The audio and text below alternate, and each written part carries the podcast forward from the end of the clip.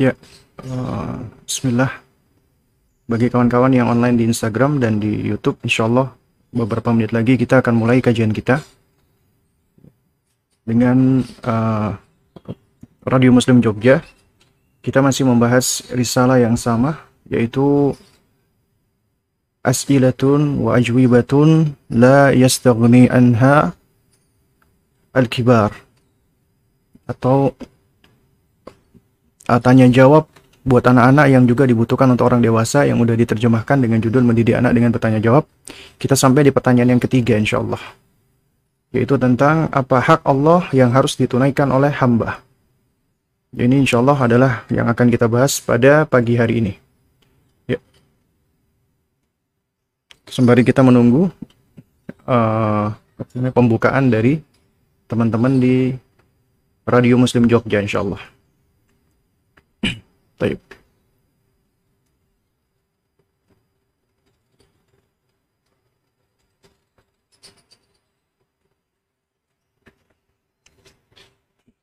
Baik, uh, 40 detik lagi kita mulai bisa Ustaz? Iya. Yeah. Oke, okay,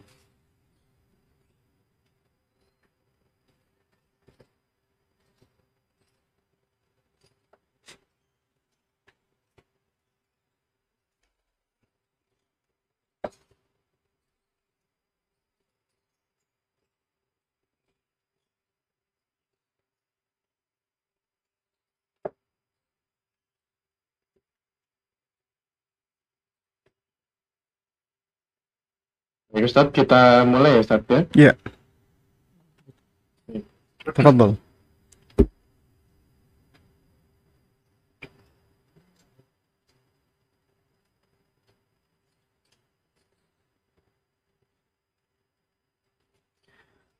Assalamualaikum warahmatullahi wabarakatuh. Waalaikumsalam.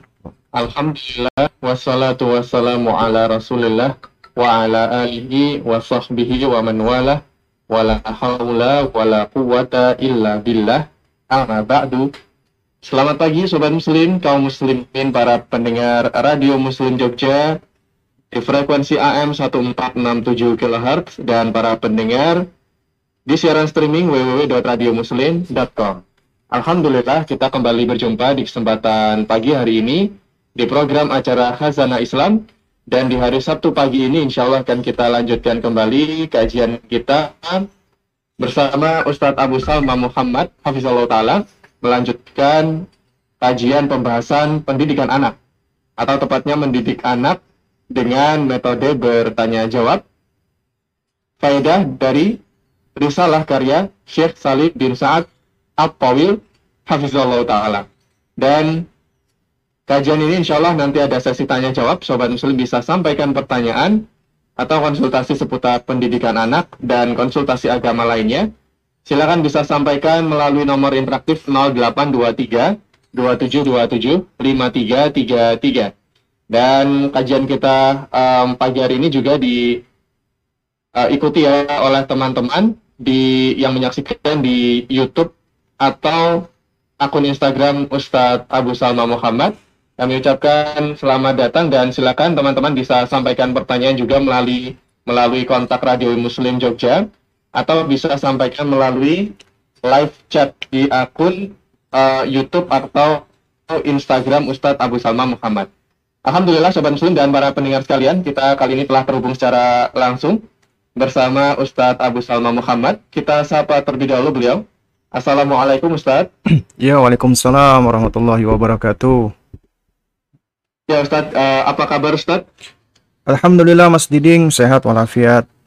Mudah-mudahan antum, keluarga, teman-teman juga sehat ya. Amin Ustadz, Alhamdulillah kami sehat Ustadz. Uh, jazakallah khairan Ustadz atas kesempatannya di pagi hari ini. Wa jazakallah khair. Ya, ya uh, baik Sobat Muslim, Alhamdulillah kita telah terhubung bersama Ustadz Abu Salman Muhammad, Hafizullah Ta'ala. Mari kita persiapkan diri untuk menyimak dan mencatat materi yang akan disampaikan oleh uh, beliau yang insya Allah akan masuk pada pertanyaan ketiga. Dalam kelanjutan pembahasan mendidik anak dengan metode bertanya jawab, pertanyaan yang ketiga yakni apakah hak Allah yang harus ditunaikan hamba-hambanya? Baik Sobat Muslim, mari kita simak materi yang disampaikan oleh Ustadz Abu Salma Muhammad. Kami dari studio mengucapkan selamat mendengarkan. Ya.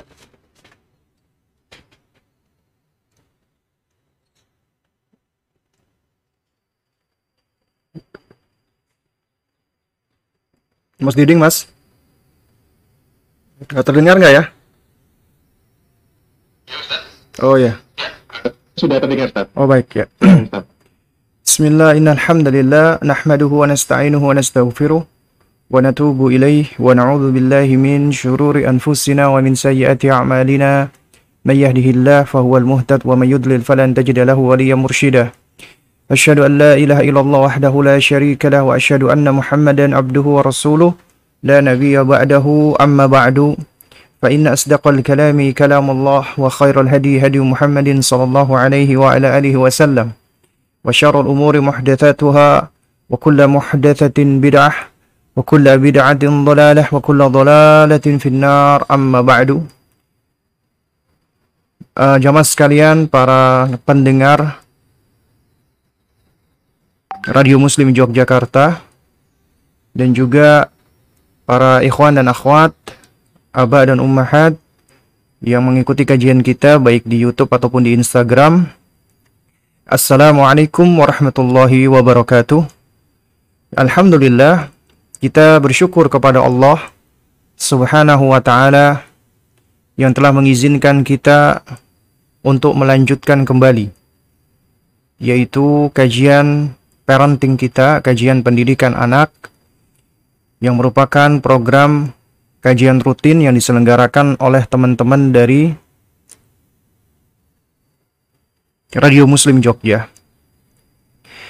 Dan kita melanjutkan yaitu sebuah risalah atau kutayib yang ditulis oleh Syekh Salim bin Sa'ad At-Tawil Al-Kuwaiti hafizahullah taala yang berjudul As'ilatu wa ajwibatu la yastaghni anha al-kibaru yaitu pertanyaan dan jawaban-jawaban atau tanya jawab untuk anak-anak yang juga dibutuhkan atau diperlukan oleh orang-orang dewasa. Kenapa dikatakan dibutuhkan oleh orang dewasa? Ya karena ini adalah sesuatu yang memang harus diketahui oleh setiap hamba. Bahkan orang dewasa harus lebih dahulu dan lebih wajib mengetahuinya. Karena mereka lah yang mendidik anak-anaknya. Bagaimana bisa orang tua mendidik anaknya apabila mereka tidak memiliki ilmunya. Dan kita tahu bahwasanya ya faqidu la yu'ti. Orang yang tidak punya apa-apa tidak bisa memberi. Sebuah cangkir yang kosong tidak akan bisa menuangkan sesuatu darinya kecuali harus diisi dulu. Baru kemudian kita bisa menuangkan. Oleh karena itu makanya kewajiban kita adalah harus mengisi dan terus mengisi dan yang dimaksud adalah ilmu. Ini kita wajib untuk belajar. Wajib untuk terus menuntut ilmu. Karena yang namanya pendidikan itu nggak bisa lepas dari kebutuhan kita dengan ilmu. Terus harus mengupgrade pengetahuan kita. Belajar terus. Murajaah terus. Menuntut ilmu. Tiada henti. Ya, hingga nafas yang terakhir.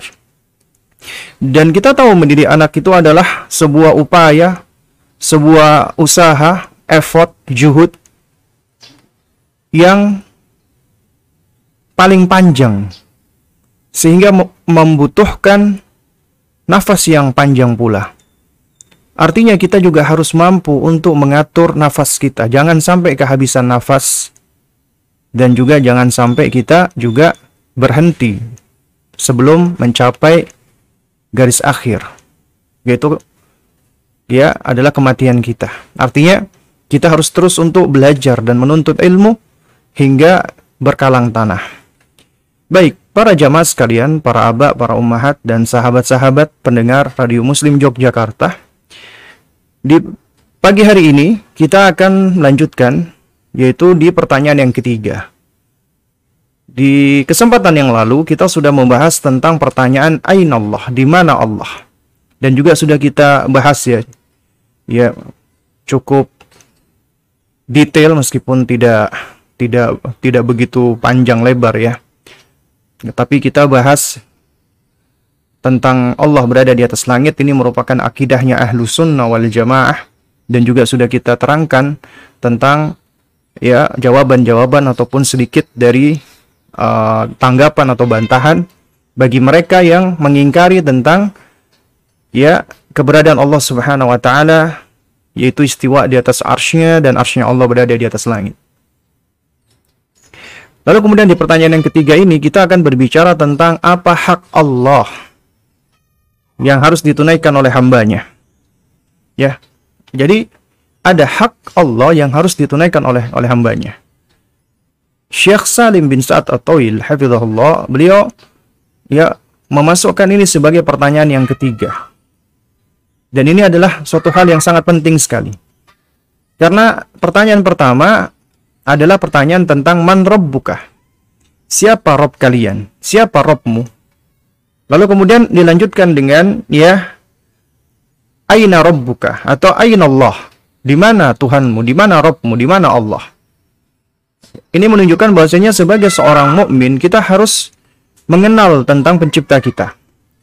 Dan kita tidak bisa menetapkan sesuatu bagi pencipta kita, Allah Subhanahu wa taala, kecuali apa yang dia sendiri Allah sendiri tetapkan untuk dirinya. Atau ditetapkan oleh manusia yang paling ngerti, paling paham tentang dirinya, yaitu Rasulullah sallallahu alaihi wasallam. Baru kemudian di pertanyaan yang ketiga, Syekh memasukkan tentang apa haknya Allah yang harus atau wajib ditunaikan oleh hamba? Di pertanyaan yang ketiga, ya, Syekh berkata, ya, yaitu mah hakullah alal ibad.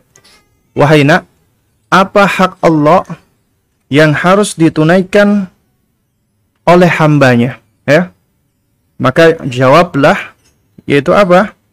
Yaitu hamba atau mereka harus menyembahnya semata. Ya, yaitu apa? Yaitu an ya'budullaha wa la yusyriku bihi syai'a. Hendaknya mereka beribadah menyembah Allah semata dan tidak menyekutukan Allah dengan sesuatu apa pun.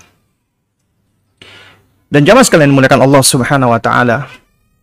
Sejatinya pertanyaan yang ketiga ini, ya. Ini adalah pertanyaan yang serupa dengan hadis Nabi Shallallahu Alaihi Wasallam. Hadis yang diriwayatkan oleh Imam Bukhari, Imam Muslim, Imam Ahmad, Abu Dawud, Tirmidzi dan seterusnya. Ya, hadis yang sahih, muttafaqun alaihi, disepakati kesahihannya. Hadis dari Muadz ibnu Jabal radhiyallahu taala anhu. Di mana beliau berkata bahwasanya kuntu radifan Nabi sallallahu alaihi wasallam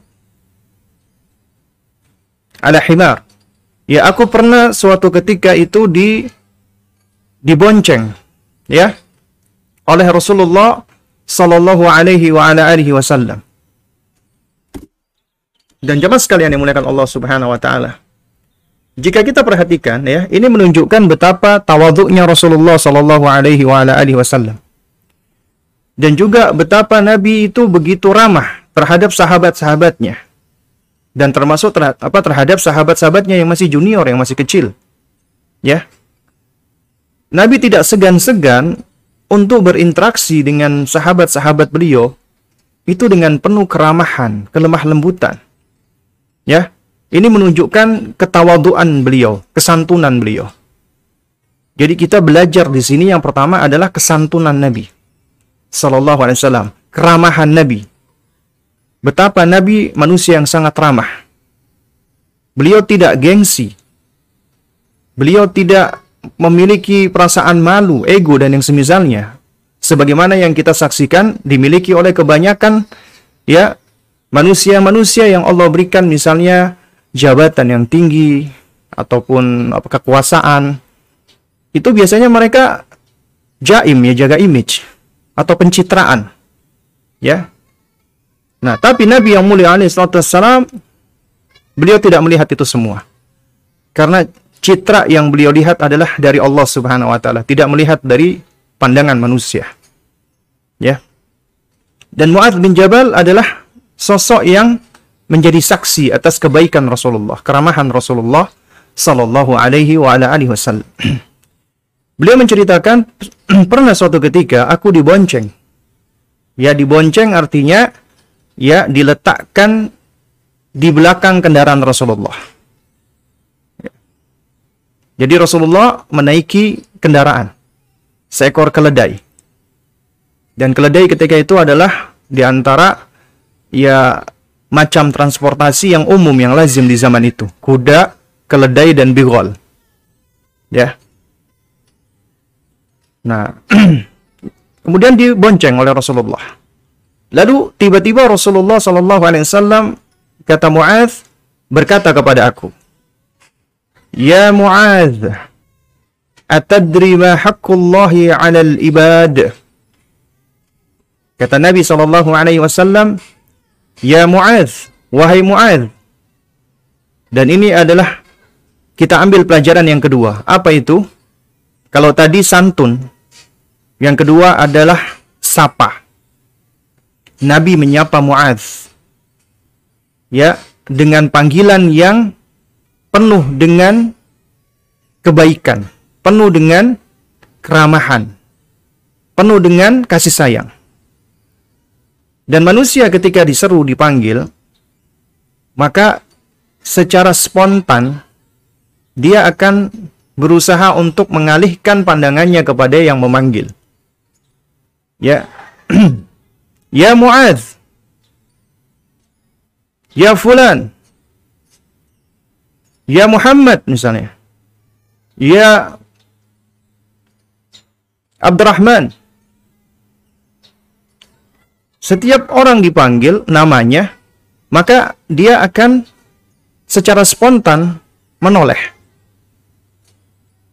Mengarahkan pandangannya kepada orang yang memanggil.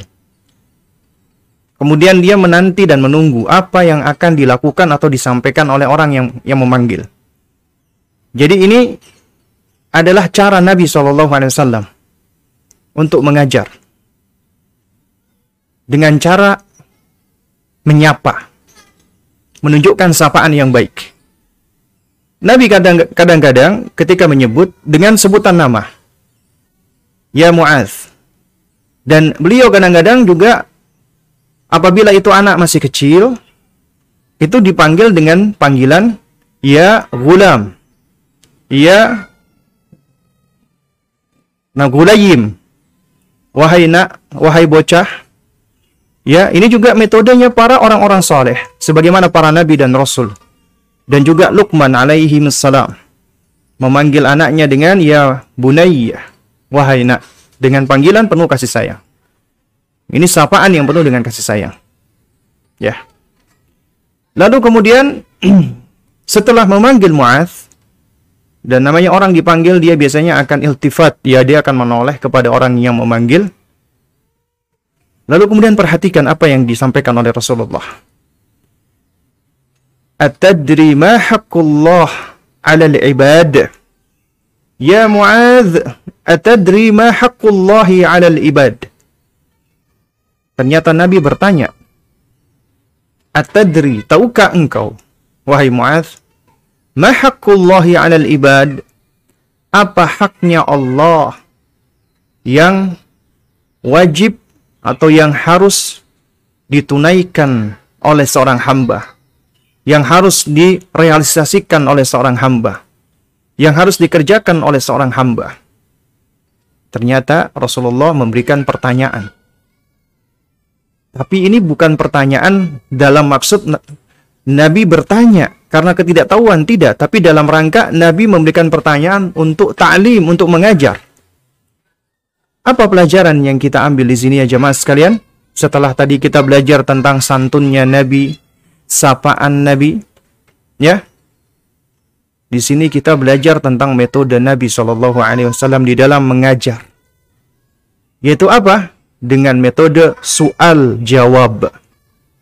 Jadi kita sudah dapat 3 S ya. Tadi apa? Santun, sapa, soal jawab. soal jawab, tanya jawab. Karena Nabi adalah seorang guru yang luar biasa. Seorang muallim, muaddib, murabbi yang hebat. Dan beliau melakukan pengajaran dengan cara metode soal jawab, bertanya jawab. Kenapa bertanya jawab? Ini sudah kita bahas sebenarnya sebagaimana metode buku ini dan buku yang kita bahas sebelumnya, yaitu bukunya Syekh Muhammad bin Abdul Wahab, Ta'limus Sibyan At-Tauhid.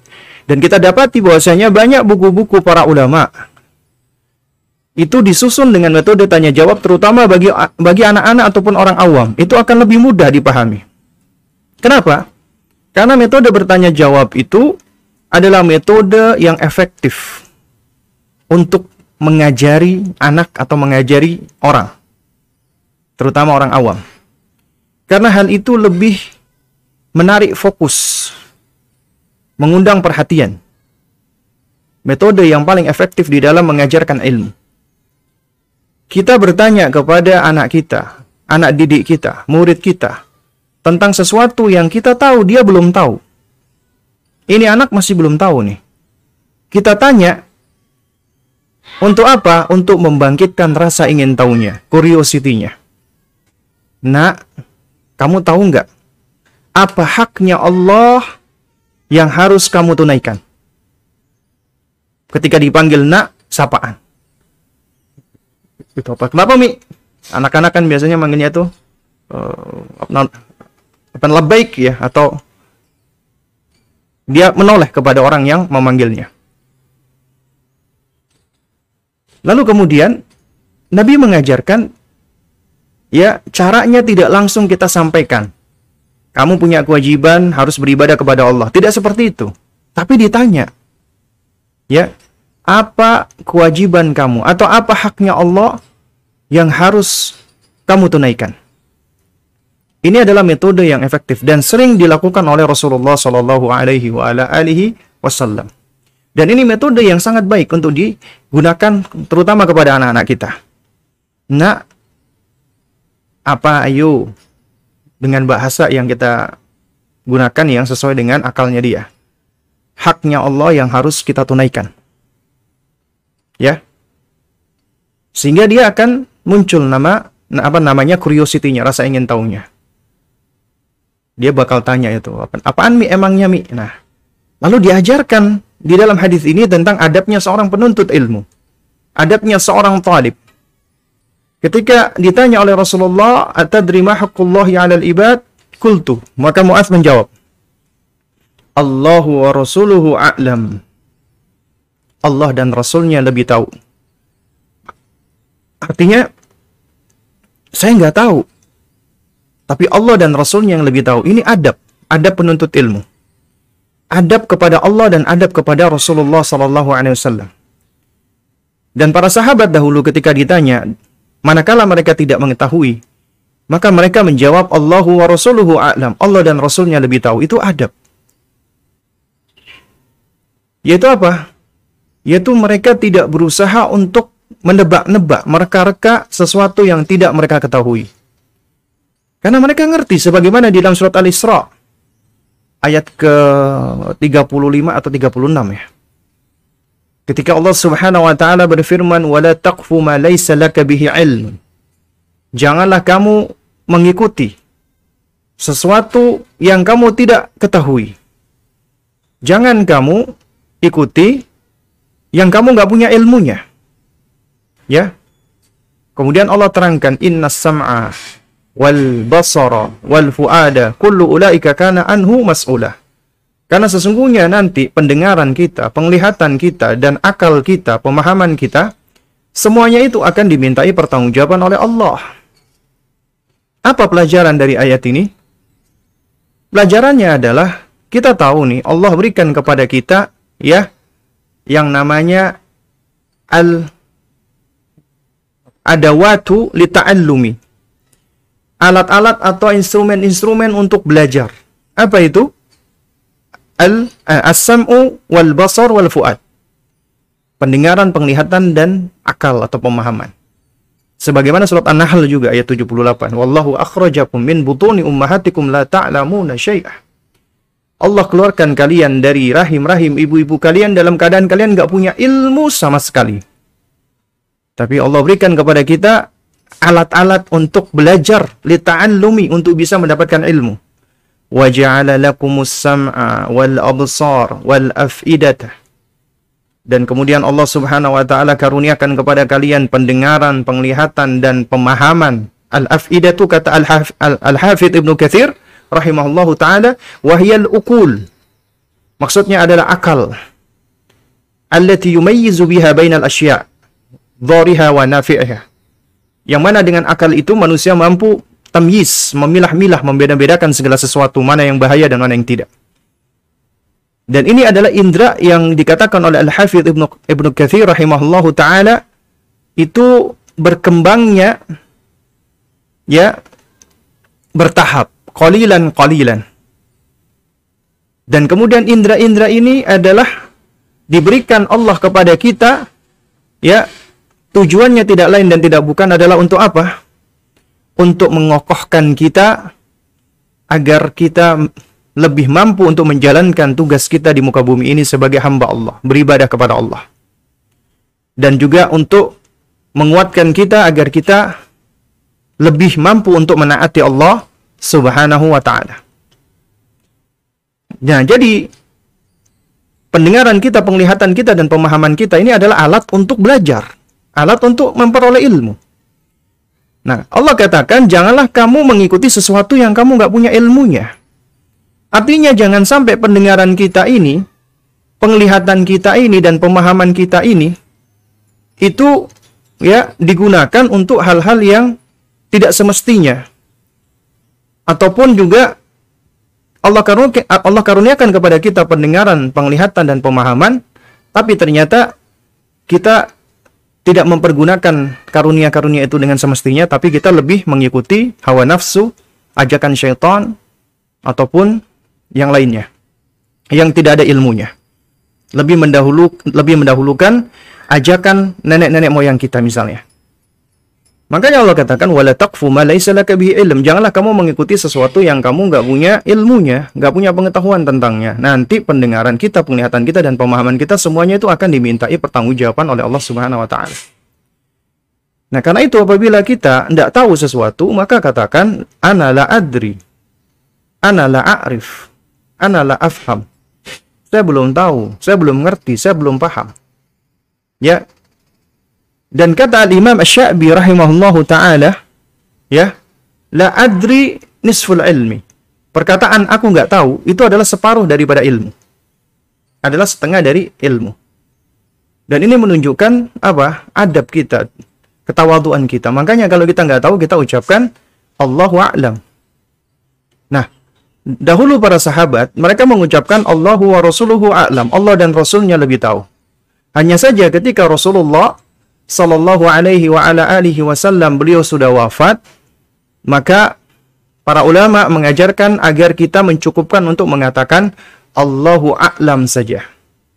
Ya, setelah Rasulullah wafat, ya maka kita katakan hanya Allahu a'lam bisawab. Kenapa? Karena beliau sudah meninggal dunia. Artinya beliau sudah tidak lagi berada di apa di apa di dalam alam dunia, ya. Beliau sudah wafat. Ya, sehingga ya uh, segala ilmu beliau, pengetahuan beliau itu semuanya sudah dikembalikan kepada Allah Azza wa Jalla.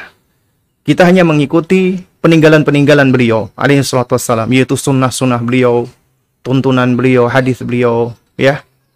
Dan kita tahu bahwasanya ilmu yang ada pada Rasulullah adalah ilmu yang berasal dari Allah Subhanahu wa taala. Ya. Dan Allah sendiri yang mengajarkan kepada Rasulullah sebagaimana firman-Nya wa 'allamaka ma lam takun ta'lam. Ya, dan Allah yang telah mengajarkan kepadamu wahai Muhammad apa yang engkau tidak ketahui. Wa kana fadlullahi 'alaika 'azimah. Dan sungguh fadilah Allah, keutamaan Allah kebaikan Allah yang Allah limpahkan kepadamu itu amatlah besar, amatlah agung. Ini adalah karunia dari Allah. Karena itu makanya ketika Rasulullah wafat kita katakan Allahu a'lam. Ya. Dahulu para sahabat berada di hadapan Rasulullah sebagai bentuk adab mereka, maka ketika mereka ditanya sesuatu, mereka nggak tahu jawabannya, maka mereka mengatakan Allahu wa Rasuluhu a'lam. Ya, ini sebagai bentuk apa ketawaduan dan penghormatan mereka. Ya. Dan ini juga ya jamaah sekalian muliakan Allah, bagian dari kehati-hatian. Agar kita nggak ngawur ketika berbicara terutama tentang agama. Karena bicara tentang berbagai macam ilmu, disiplin ilmu, itu harus dengan ya itu harus dengan ilmu, artinya harus punya ilmunya. Ya. Ketika misalnya ada seseorang bicara tentang ilmu kedokteran, kemudian ternyata dia nggak punya ilmunya, itu bisa membahayakan nyawa orang lain. Demikian pula misalnya seseorang ketika berbicara tentang ilmu sipil, teknik sipil, padahal dia nggak punya ilmunya. Itu juga akan berbahaya, bisa menyebabkan orang binasa. Kenapa? Karena ketika dia bangun, bangunannya runtuh. Apa nama roboh misalnya. Artinya setiap orang harus memiliki ilmu. Jadi di dalam masalah dunia saja, itu juga harus ada ilmunya, apalagi tentang perkara agama diniyah. Ya, yaitu yang akan menghantarkan seorang hamba kepada akhiratnya. Itu kepada kebaikan, maka tentunya harus harus apa? Harus diiringi dengan ilmu. Terlebih-lebih lagi apabila berbicara tentang Allah Subhanahu wa taala. Bicara tentang Allah tanpa ilmu. Tidak berpijak dengan dalil Al-Qur'an dan sunnah. Bicara dengan akalnya sendiri, bicara dengan hawa nafsunya sendiri, ngomongin tentang Allah. Akhirnya ya malah berbuat kedustaan atas nama Allah. Allah ancam ini karena mereka termasuk orang yang paling zalim. Sebagaimana dalam surat Al-An'am, Allah mengatakan, "Faman adlamu mimman iftara 'ala Allahi kadhiba." Siapa gerangan yang lebih zalim? Ya, siapa gerangan yang lebih lalim, zalim? Ya, mim, mimman iftara 'ala Allah. Yaitu melebihi daripada orang-orang yang iftira, berbuat kedustaan, mengada-adakan kebohongan atas nama Allah Subhanahu wa taala. Untuk apa? apa namanya? liyudhilla an-nasa ya dalam rangka untuk menyesatkan manusia bi ilmin tanpa punya ilmunya innallaha la yahdi al-qauma zalimin sesungguhnya Allah nggak akan memberikan petunjuk kepada orang-orang yang zalim ada orang-orang yang nggak punya ilmu ngomong tentang Allah berbicara tentang Allah dengan akalnya dengan dengan pemahamannya, dengan hawa nafsunya, dengan rasionya, yang semua itu adalah ya terbatas. Kemudian dia bicara tentang Allah tanpa ada ilmunya. Ngomong tentang Allah nggak ada ilmunya. Akhirnya jatuh kepada kesesatan-kesesatan. Misalnya contohnya ketika dia berbicara tentang Allah, ya dikatakan olehnya Allah itu adalah sumber energi. Ya, jadi dunia ini terbentuk dari energi. Allah adalah energi. Jadi dia berbicara dengan akalnya dia, memberikan sifat-sifat kepada Allah yang tidak ada tuntunannya, tidak ada dalilnya. Apalagi berbicara tentang pencipta kita, Allah Subhanahu wa taala. Padahal kewajiban kita kalau berbicara tentang Allah harus dengan ilmu. Artinya harus berangkat dari apa yang Allah terangkan untuk dirinya. Karena Allah yang paling tahu tentang dirinya. Kita nggak tahu. Kita tahu karena kita dikasih tahu. Dan kita nggak akan bisa tahu kecuali dengan cara kita mencari tahu. Dan yang paling tahu tentang Allah adalah Allah sendiri. Manusia yang paling tahu tentang Allah Rasulullah. Karena itu kita kalau mau cari tahu, cari tahu dari Al-Quran dan Sunnah. Tidak dengan mereka-reka. Tidak dengan ya menebak-nebak, berimajinasi dan yang semisalnya. Dan ini adalah di antara penyebab banyaknya manusia tersesat. Ketika mereka berbicara tentang Allah tanpa ilmu atau ketika mereka berbicara tentang agama tanpa ilmu. Ya. Nah, karena itu makanya orang-orang yang ketika tidak tahu dia mengatakan ana la adri, itu adalah kemuliaan. Ya. Itu adalah bagian dari kemuliaan. Kenapa? Karena dia adalah orang yang mengetahui kadar dirinya, tingkatan dirinya, kapasitas dirinya. Sementara orang-orang yang mohon maaf yang muta'alim, yang sok tahu, nggak tahu dia tentang kadar dirinya, nggak tahu dia tentang tingkatan dirinya, dan itu sangat berbahaya sekali.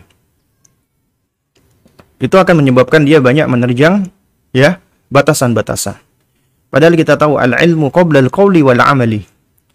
Ilmu itu harus lebih didahulukan sebelum berbicara dan beramal. Nah, jadi kita diajarkan adab yang luar biasa dan ini harus sudah kita ajarkan kepada anak-anak kita. Ya, apalagi kalau udah berbicara tentang masalah agama, kalau kita nggak tahu nak, kita ucapkan Allahu a'lam. Juga demikian kita sebagai orang tua. Anak kita nanya misalnya, kita belum tahu, maka kita harus ya mengatakan maaf ya nak, Abi belum tahu, Umi belum tahu. Nanti insya Allah Abi akan cari tahu.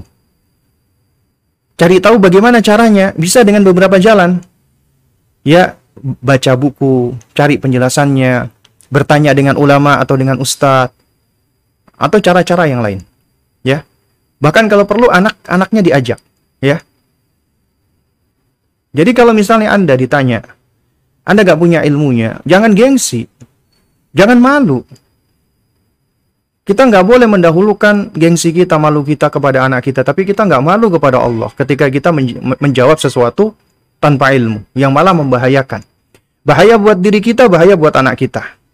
Bahaya buat diri kita karena kita telah membuat syubuhat ataupun kesesatan. Dan sementara anak kita bisa terseret kepada kesesatan yang kita ada-adakan. Karena itu kita harus sportif.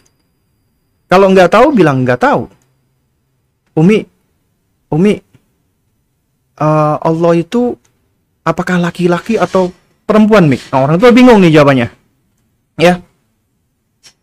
Padahal ini sebenarnya adalah pertanyaan yang seharusnya mudah untuk dijawab. Tapi kadang-kadang, bahkan sering kali para orang tua banyak yang nggak ngerti, banyak yang nggak tahu. Banyak yang belum paham. Nah, ketika Anda belum paham, jangan Anda langsung sembarangan jawab. Sebelum Anda berusaha mencari ilmunya. Ya. Nah, oleh karena itu makanya kewajiban kita adalah terus belajar. Loh. Nah, di dalam Al-Qur'an di dalam surat Al-Ikhlas, kul huwallahu ahad, katakanlah Allah itu adalah ahad, tunggal, maha esa. Ya. Ya. Allahus Samad dan Allah bergantung semuanya segala sesuatu kepadanya. Ya, lam yalid wa lam yulad. Allah tidak melahirkan dan tidak pula dilahirkan. Walam yakun lahu kufuwan ahad dan tidak ada yang serupa dengan Allah. Al-Ikhlas itu surat yang sangat jelas dan terang menunjukkan tentang ya sifat Allah yang berbeda dengan makhluknya. Allah menciptakan makhluknya berpasang-pasangan, ada laki-laki, ada perempuan. Kenapa? Karena makhluk butuh satu dengan yang lainnya. Karena makhluk butuh untuk bereproduksi. Makhluk butuh untuk memperbanyak diri, melestarikan keturunan mereka. Mereka pun menikah, mereka pun kawin. Karena mereka makhluk. Mereka butuh satu dengan yang lainnya. Allah tidak butuh dengan makhluknya. Allah as-samad. Allah berdiri sendiri. Allah tidak butuh dengan makhluknya, tapi makhluk yang butuh dengan Allah. Dan Allah tunggal. Adanya jenis kelamin itu menunjukkan ya ketidaksempurnaan. Berarti apa? Berarti di situ menunjukkan adanya sifat yang yang tidak sempurna. Ya, karena kalau disifatkan dengan salah satu jenis kelamin berarti konsekuensinya menunjukkan butuhnya akan jenis kelamin yang lain. Karena itu Allah tidak disifatkan dengan laki-laki atau ataupun dengan perempuan. Ya. Karena laki-laki atau wanita atau jantan dan betina itu adalah ya atribut yang diberikan kepada makhluk. Allah tunggal, satu. Allah as-samad. Allah lam, yal, lam yalid, Allah tidak melahirkan. Sementara induk betina ataupun wanita melahirkan. Walam yulat, Allah juga tidak dilahirkan. Allah juga bukanlah anak yang punya orang tua. Karena Allah berbeda dengan kita. Kita manusia ada karena Allah yang menciptakan kita melalui sebab orang tua kita, kita dilahirkan. Yang melahirkan kita adalah ibu kita. Ibu kita bisa hamil karena sebab ayah kita. Ayah laki-laki, ibu perempuan. Lalu saya dilahirkan dan yang dilahirkan ada yang laki-laki dan ada yang perempuan. Itu makhluk. Dan makhluk itu lemah, mengantuk, capek, lelah, apa namanya, butuh makan, butuh buang air besar dan seterusnya. Allah tidak. Allah maha sempurna. Allah yang menciptakan makhluknya, Allah berbeda dengan makhluknya. Nah, tapi ternyata banyak orang tua yang nggak bisa menjawab pertanyaan-pertanyaan seperti ini. Ini menunjukkan apa? Bahwasanya kita harus terus belajar, menuntut ilmu. Ya. Juga bahkan ada orang tua ditanya, misalnya contohnya oleh oleh oleh apa anak-anaknya, Umi, Umi, Allah emangnya punya wajah, Mi? Allah punya tangan, Mi? Allah punya kaki, Mi? Waduh. Orang tuanya bingung. Ya. Kenapa? Karena nggak belajar tauhid asma was sifat. Tidak tahu bagaimana kaidah-kaidah ahlu sunnah wal jamaah di dalam menetapkan nama-nama, sifat-sifat, dan perbuatan-perbuatan Allah subhanahu wa ta'ala. Padahal itu di dalam Al-Quran sudah dijelaskan, Laisa kamithlihi syai'un. Ya. Dan juga sudah dijelaskan bahwasanya kita menetapkan sifat-sifat, nama-nama dan perbuatan bagi Allah sebagaimana yang Allah tetapkan untuk dirinya. Dan kita menolak segala apa yang Allah dan Rasulnya tolak. Ketika Allah menetapkan dirinya istiwa di atas arsh, kita tetapkan sebagaimana Allah menetapkan untuk dirinya. Ketika Allah menetapkan baginya memiliki wajah dan akidah ahlu sunnah menetapkan ahlul jannah nanti di surga akan melihat Allah subhanahu wa ta'ala. Ada akidah, apa namanya? melihat Allah Subhanahu wa taala. Makanya sering kali disebutkan ya betagi wajah Allah, mengharapkan wajah Allah untuk bisa memandang Allah, melihat Allah. Dan kemudian ketika Allah Subhanahu wa taala bertanya kepada iblis yang tidak mau sujud kepada Adam alaihissalam, "Ya iblis, ya iblis, ma mana'aka an tasjuda lima khalaqtu biyadayya?" Wahai iblis, apa yang menghalangi kamu untuk sujud dengan makhluk yang aku ciptakan dengan kedua tanganku, kata Allah. Dan juga masih banyak ayat-ayat yang lainnya. Ketika hari kiamat Allah akan apa namanya menggulung dengan tangannya dan seterusnya. Ya. Ini sifat-sifat yang Allah sudah tetapkan untuk untuk dirinya. Kita cukup menetapkan sebagaimana Allah tetapkan tanpa kita serupakan dengan makhluk, tanpa kita ubah-ubah, tanpa kita takwil, tanpa kita tahrif dan seterusnya. Nah, ini menunjukkan apa? Kita berarti sebagai orang tua butuh untuk terus belajar. Dan ketika kita nggak tahu, maka kita ucapkan, ya wallahu a'lam kita memang belum tahu. Nanti insya Allah Umi akan cari tahu jawabannya ya nak. Abi akan belajar ya nak. Nah, seharusnya demikian ya. Nah jadi ucapan Mu'adz ibnu Jabal radhiyallahu taala itu menunjukkan ya apa sikap ilmiah. Karena sikap ilmiah ketika seseorang tidak tahu dia harus mengatakan anala adri. Saya nggak tahu. Itu ilmiah ya. Itu adalah sikap yang ilmiah Makanya nggak heran kalau Al-Imam Asy-Sya'bi rahimahullah mengatakan bahwasanya la adri nisful ilm. Ucapan aku tidak tahu itu adalah separuh dari ilmu. Separuh yang lainnya adalah ketika dia belajar dia tahu. Ya. Toib. Lalu kemudian setelah Nabi bertanya kepada Mu'adz, "Atadri ma 'alal 'ibad ya Mu'adz?" Allahu wa rasuluhu a'lam, baru dijawab oleh Rasulullah. Dan ketika Mu'az ditanya, kamu tahu nggak Mu'az apa haknya Allah yang harus ditunaikan oleh hamba? Namanya orang ketika ditanya, dia tentu pengen tahu jawabannya. Timbul rasa ingin tahunya. Ketika timbul rasa ingin tahunya, berarti semua indera-indera dia, termasuk uh, daya nalarnya, konsentrasinya, itu fokus ingin mengetahui apa jawabannya. Dan ketika seseorang fokus, konsentrasi, jadi indera-inderanya menjadi awas, apa namanya menjadi apa nam apa namanya menjadi apa namanya aware ya dengan dengan apa dengan jawaban yang yang dia nantikan maka ketika jawaban itu diberikan dia akan lebih mudah untuk menghafalnya dan memahaminya sebagaimana Mu'adz ini ya Ketika dia nggak tahu, dia mengatakan Allahu wa rasuluhu a'lam. Faqala Nabi sallallahu alaihi wasallam, Haqqullahi 'alal ibad an ya'buduhu wa la yushriku bihi syai'ah. Ya. Haknya Allah yang wajib ditunaikan oleh hamba adalah hendaknya hamba itu beribadah kepada Allah semata. Mengibadahi Allah semata. Dan apabila datang kata ya'budu, ya, itu maknanya tidak lepas dari apa? Dari mentauhidkan Allah Subhanahu wa taala. Yuwahidu.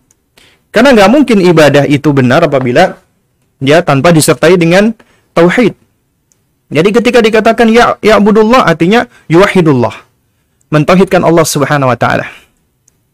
Jadi haknya Allah yang harus ditunaikan oleh hamba adalah mengibadahi Allah semata, beribadah hanya kepada Allah semata wala yusyriku bihi syai'ah.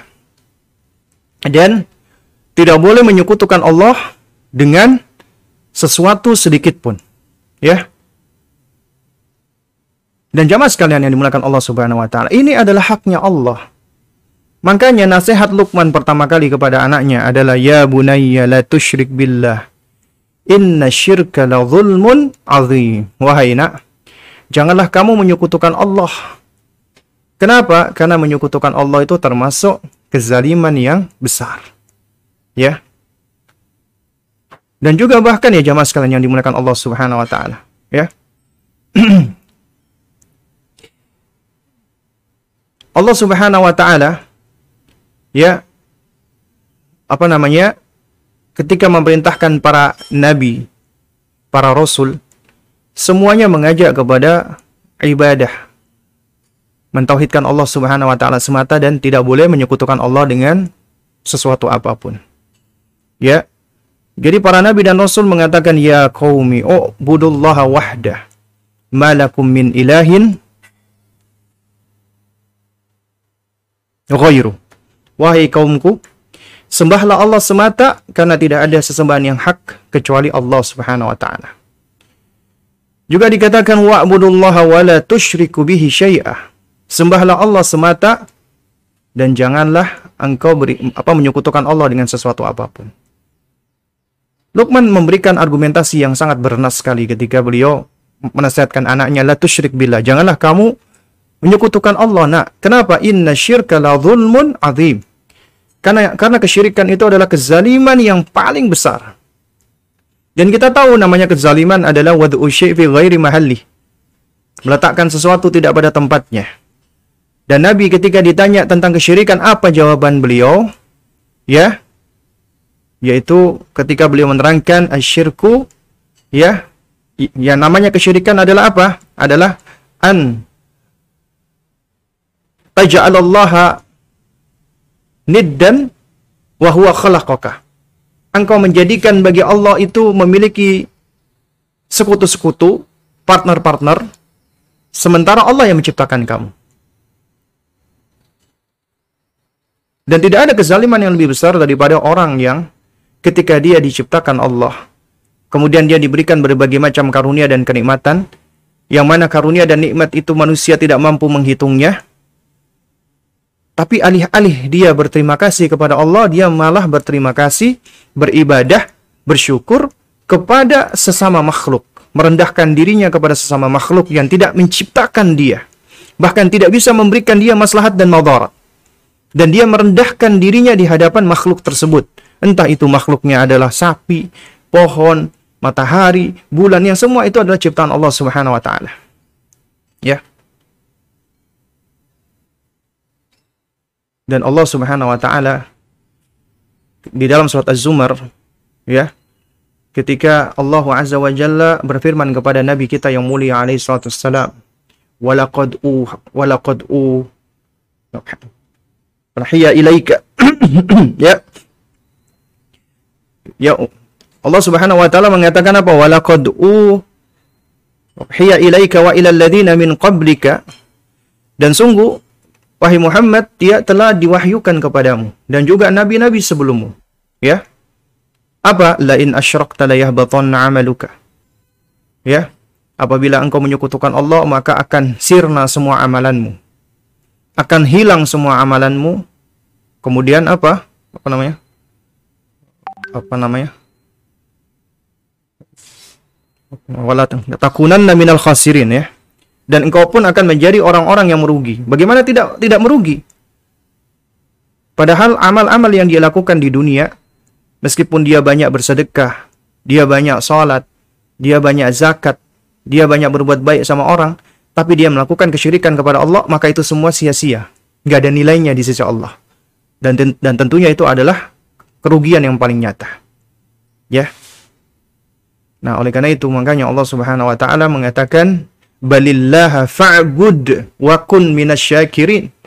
Karena itu hanya kepada Allah lah engkau menyembahnya dan jadilah engkau orang-orang yang bersyukur. Kenapa? Karena ibadah itu adalah salah satu bentuk ungkapan rasa syukur kita. Meskipun syukur juga termasuk bagian dari ibadah. Ya. Dan ibadah itu apabila dilakukan oleh hamba, kebaikannya adalah untuk hamba itu sendiri. Waman amila salihan fali nafsihi. Ya. Siapa yang beramal soleh, maka sejatinya amal itu kembali kepada dirinya, untuk dirinya. Juga demikian orang yang bersyukur, waman syakara fa innama yashkuru li nafsi. Siapa yang bersyukur, sesungguhnya dia bersyukur untuk kebaikan dirinya. Ya. Dan seorang mukmin, seorang yang beriman, yang mencintai Robnya, dia ingin berjumpa dengan Allah Subhanahu wa taala. Sementara Allah mengatakan faman kana yarju liqa'a rabbih falyamal amalan salihan wala yusyrik bi ibadati rabbih ahada. Siapa yang mengharap perjumpaan bertemu dengan Allah Rabbnya maka kuncinya hendaknya dia beramal saleh dan jangan menyekutukan Allah dengan sesuatu apa pun. Iman dan amal saleh. Iman mengharuskan dia mentauhidkan Allah Subhanahu wa taala. Amal soleh mengharuskan dia ikhlas karena Allah dan mencontoh meniru Rasulullah Sallallahu Alaihi wa ala alihi wasallam. Ya. Dan itu adalah haknya Allah Subhanahu wa taala. Dan haknya Allah harus ditunaikan, wajib ditunaikan. Ya, karena siapa yang melanggar hak, maka dia adalah orang yang zalim. Dan tidak ada kezaliman yang lebih besar daripada melanggar hak penciptanya. Ya, Meskipun Allah nggak butuh dengan amal kita, ibadah kita nggak butuh. Allah nggak butuh dengan sholat kita, puasa kita, zakat kita, sedekah kita, infak kita, nggak butuh. Karena Allah udah maha kaya. Allah sudah maha sempurna. Jutaan tahun kita beramal misalnya beribadah, itu tidak akan menambah kekayaan Allah. Demikian pula apabila miliaran tahun kita bermaksiat kepada Allah tidak akan mengurangi kerajaan Allah. Tidak akan meng mengurangi kemuliaan Allah. Karena Allah sudah sempurna, ya. Jadi Allah Subhanahu wa taala telah sempurna. Jadi jamaah sekalian yang dimuliakan Allah Subhanahu wa taala. Ya. Jadi apa namanya pelajaran berkenaan dengan mengajarkan anak tentang hak Allah Subhanahu wa taala. Ini adalah pelajaran penting. Artinya kita sebagai orang tua wajib untuk pertama mendidik anak kita ya di atas tauhid. Sebagaimana Luqman mendidik anaknya. Dan juga mendidik hatinya agar mengenal penciptanya dan mencintai penciptanya, kemudian akan tumbuh syukur, pengagungan kepada Allah Subhanahu wa taala. Lalu kemudian juga kita tahu bahwasanya manusia itu dilahirkan berada di atas fitrah. Dan ketika menafsirkan Ar-Rum ayat 30 Al-Hafidh Ibnu Katsir rahimahullahu taala ketika menerangkan tentang firman Allah apa namanya? Uh, apa Allah allati 'alaiha. Demikianlah fitrah Allah yang Allah ciptakan manusia berada di atasnya artinya kata Al-Hafidh Ibnu Katsir annahu ta'ala fatara khalqahu 'ala tauhidihi wa ma'rifatihi wa ala annahu la ilaha ghairuhu. Allah sudah menciptakan makhluk sudah berada di atas tauhid, mengenal Allah dan meyakini tidak ada sesembahan hak kecuali Allah. Tapi fitrah ini yang merusak adalah siapa orang tuanya. Karena itu harus dijaga, ditumbuhkan. Dan yang merusak fitrah yang paling ber, yang paling berbahaya adalah apa? Adalah kesyirikan. Dan ini yang dinasehatkan Luqman kepada anaknya. Khawatir fitrah tauhidnya rusak, ya bunayya la tusyrik billah inna syirka la zulmun azim. Karena itu kita wajib untuk mengajarkan kepada anak-anak kita tauhid dan wajib untuk menerangkan kepada mereka tentang kesyirikan dan bahaya-bahaya kesyirikan. Untuk apa? Agar mereka tidak jatuh kepada kesyirikan. Ya, agar dia tidak jatuh kepada kesyirikan. Ya. Dan kemudian juga di antara faidahnya adalah ya, kita mengajarkan anak-anak kita yaitu haknya Allah yang paling tinggi. Dan ini adalah bagian dari apa? Dari adab. Ya, bagian dari apa adab ya. Adab kepada Allah Subhanahu wa taala. Ya. Baik, jamaah sekalian muliakan Allah Subhanahu wa taala, ya mungkin ini yang dapat disampaikan untuk kesempatan kita di pagi hari ini ya. Uh, ini masih ada waktu Mas Diding untuk bertanya jawab. Ya, jika sudah ada pertanyaan mungkin bisa dibacakan Mas Diding pertanyaan yang masuk. Baik. Baik Ustaz, jazakallahu khairan Ustaz atas penyampaian materi di kesempatan pagi hari ini. Alhamdulillah Sobat Muslim kita baru saja uh, simak materi yang disampaikan oleh Ustadz Abu Salma Muhammad Hafizullah Ta'ala melanjutkan kajian parenting dan kita tadi membahas tentang pertanyaan apa hak Allah yang harus ditunaikan para hamba. Kita kali ini masuk di sesi tanya jawab. Kita akan bacakan pertanyaan Ustaz yang sudah masuk di kesempatan pagi hari ini. Assalamualaikum Ustaz. Waalaikumsalam warahmatullahi wabarakatuh. Semoga Allah selalu menjaga Ustadz dan keluarga. Amin. Amin. Ustadz, uh, pertanyaannya, sejauh mana seorang pendidik anak kelas 1 sampai 3 SD melakukan ketegasan kepada muridnya? Jika melakukan kesalahan bahkan kenakalan yang berulang-ulang, bolehkah menghukumnya? Dan bagaimana bentuk hukumannya Ustaz Jazakumullahu khairan. Baik, wa jazakumullahu khairan wa nah, iyahum ya untuk uh, apa asailin ya bagi penanya. Baik, bagaimana cara mendidik anak kelas 1 sampai kelas 3 SD ya?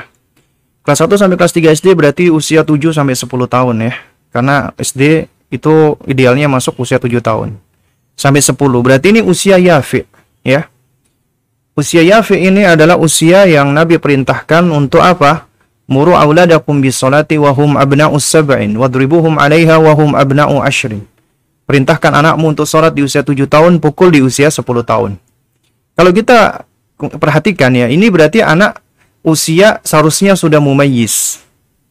Dan kalau kita lihat ya, uh, sebagaimana diterangkan oleh Syekh Dr. Ahmad bin Nasir atau Yar di dalam bukunya Kaifatu Rabbi Abna'aka, di kaidah pertama, beliau uh, mengkuat ya sebuah hikmah, La ibnaka sab'an wa adibhu sab'an wa sahibhu sab'an. Ya bermainlah dengan anakmu di tujuh tahun pertama, takdib di tujuh tahun kedua, bersahabat di tujuh tahun ketiga. Nah, yang namanya takdib itu berarti mengajarkan adab dan kedisiplinan kepada anak-anak di usia tujuh tahun. Kenapa? Karena mereka sejatinya sudah lebih siap, sudah lebih ready. Adapun usia sebelum tujuh tahun adalah fase preparasi. Kita mempersiapkan, ya, mempersiapkan, ya, potensi-potensi yang sudah Allah berikan agar agar mereka ready ya. Siap untuk beribadah. Nah terutama di usia tamyiz di usia mumayyiz 7 tahun. Nah bagi anak-anak yang uh, di usia tamyiz itu ciri khasnya ya apabila mereka sudah tamyiz ya. Kenapa saya katakan demikian karena yang namanya usia tamyiz memang idealnya di tujuh tahun tapi ternyata ada loh anak-anak yang sudah lewat dari tujuh tahun ternyata belum tamis. Dan ada pula anak-anak yang di bawah tujuh tahun dia sudah tamis. Ini biasanya dialami oleh para ulama. Nah, termasuk sebagian sahabat Nabi. Ya, ridwanullah alaihim ajmain. Nah, oleh karena itu makanya orang tua itu dia harus mendidik anaknya dengan sebaik-baiknya agar ya tujuh tahun itu memang anak sudah tamis anak udah tamis itu berarti mereka tuh sudah memiliki kesiapan untuk belajar lebih sistematis, lebih tertib, lebih tertib, lebih mampu memahami instruksi, ya lebih mampu untuk mencontoh dan meniru dengan lebih detail. Makanya Nabi sudah perintahkan sholat di usia tersebut. Dan juga mereka sudah ngerti karena dikatakan tamyiz kan sebagaimana ya kita nukilkan tadi ucapan Al-Hafidz Ibnu Katsir rahimahullahu taala ya yaitu uh, ketika yang namanya al-aqlu atau al-uqul makna dari al-afidatu ya allati yumayyizu biha bainal asya' nafi'iha wa dhariha yaitu sudah bisa memilah-milah dan membeda-bedakan antara segala sesuatu mana yang berbahaya dan mana yang bermanfaat. Artinya, anak-anak di usia ini mereka sudah lebih mampu untuk membeda-bedakan, memilah-milah, mengklasifikasikan segala sesuatu. Mana yang bahaya, mana yang tidak, mana yang baik, mana yang tidak dan seterusnya. Ini anak udah ready, udah udah siap. Nah, berarti kita harus sudah bisa apa? mengajarkan kepada mereka yang namanya uh, konsekuensi-konsekuensi lebih detail tentang apa yang mereka lakukan. Dan ini kita sudah bisa menerapkan yang namanya reward and punishment. Dan perhatikan, punishment tidak mesti tidak mesti harus dengan hukuman fisik ya. Punishment itu bisa dengan berbagai macam cara. Hukuman fisik itu adalah solusi terakhir dan hendaknya dilakukan ketika anak sudah usia 10 tahun. Dan jika kita guru, ya, jika kita guru, maka juga kita hendaknya menghindarkan melakukan hukuman-hukuman fisik karena kalau enggak tentunya akan bahaya ya. Apalagi di zaman ini sekarang di mana pendidikan itu ya sudah menjadi industri. Akadnya transaksi, guru dianggap seperti pegawai. Anak diomelin sedikit, lapor orang tuanya, orang tua datang ke sekolahan, ngomel-ngomel, gurunya minta dipecat. Nah ini ya adalah kondisi pendidikan di tanah air di zaman now yang sungguh sangat memprihatinkan, di mana pendidikan sudah menjadi industri. Ya, nah jamaah sekalian muliakan Allah ya. Jadi intinya begini loh anak usia 7 sampai 10 tahun ya, itu itu berarti mereka sudah tamyiz, sudah mumayyiz dan mereka sudah siap untuk belajar secara lebih baik lagi. Dan ini memang ada bahasanya khusus ya dan ini juga sudah sempat kita bahas ya di kajian kita sama dengan teman-teman dari Radio Muslim Jogja ketika kita membahas uh, Tarbiyatul Aulad fil Dhawil Kitabi wa Sunnah ya karyanya Syekh Abdul Salam As-Sulaiman. Di situ ada langkah-langkah pendidikan anak yang diawali mulai dari pendidikan dari semenjak kita belum punya anak sampai kita sudah punya anak mulai dari usia tufulah kemudian usia 7 tahun ke atas sampai 10 tahun ke atas. Ya. Lalu kemudian juga sudah kita bahas juga di dalam buku Al-Wajiz Fit Tarbiyah. Ya karyanya Syekh Yusuf Muhammad Al-Hasan. Itu alhamdulillah uh, sebagian uh, apa rekaman baik audio ataupun videonya sudah ada di media-media di YouTube ataupun di ya di apa di websitenya radiomuslim.com ya.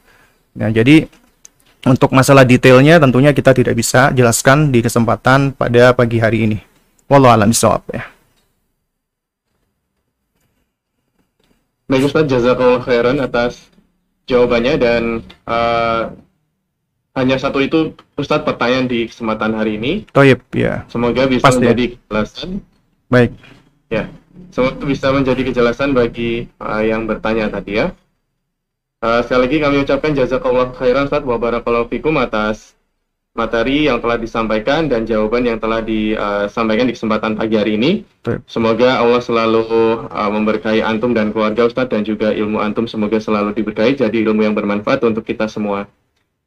Alhamdulillah Sobat Muslim, kita ikuti kembali kajian rutin Sabtu pagi bersama Ustadz Abu Salma Muhammad Hafizallah Ta'ala melanjutkan kajian dari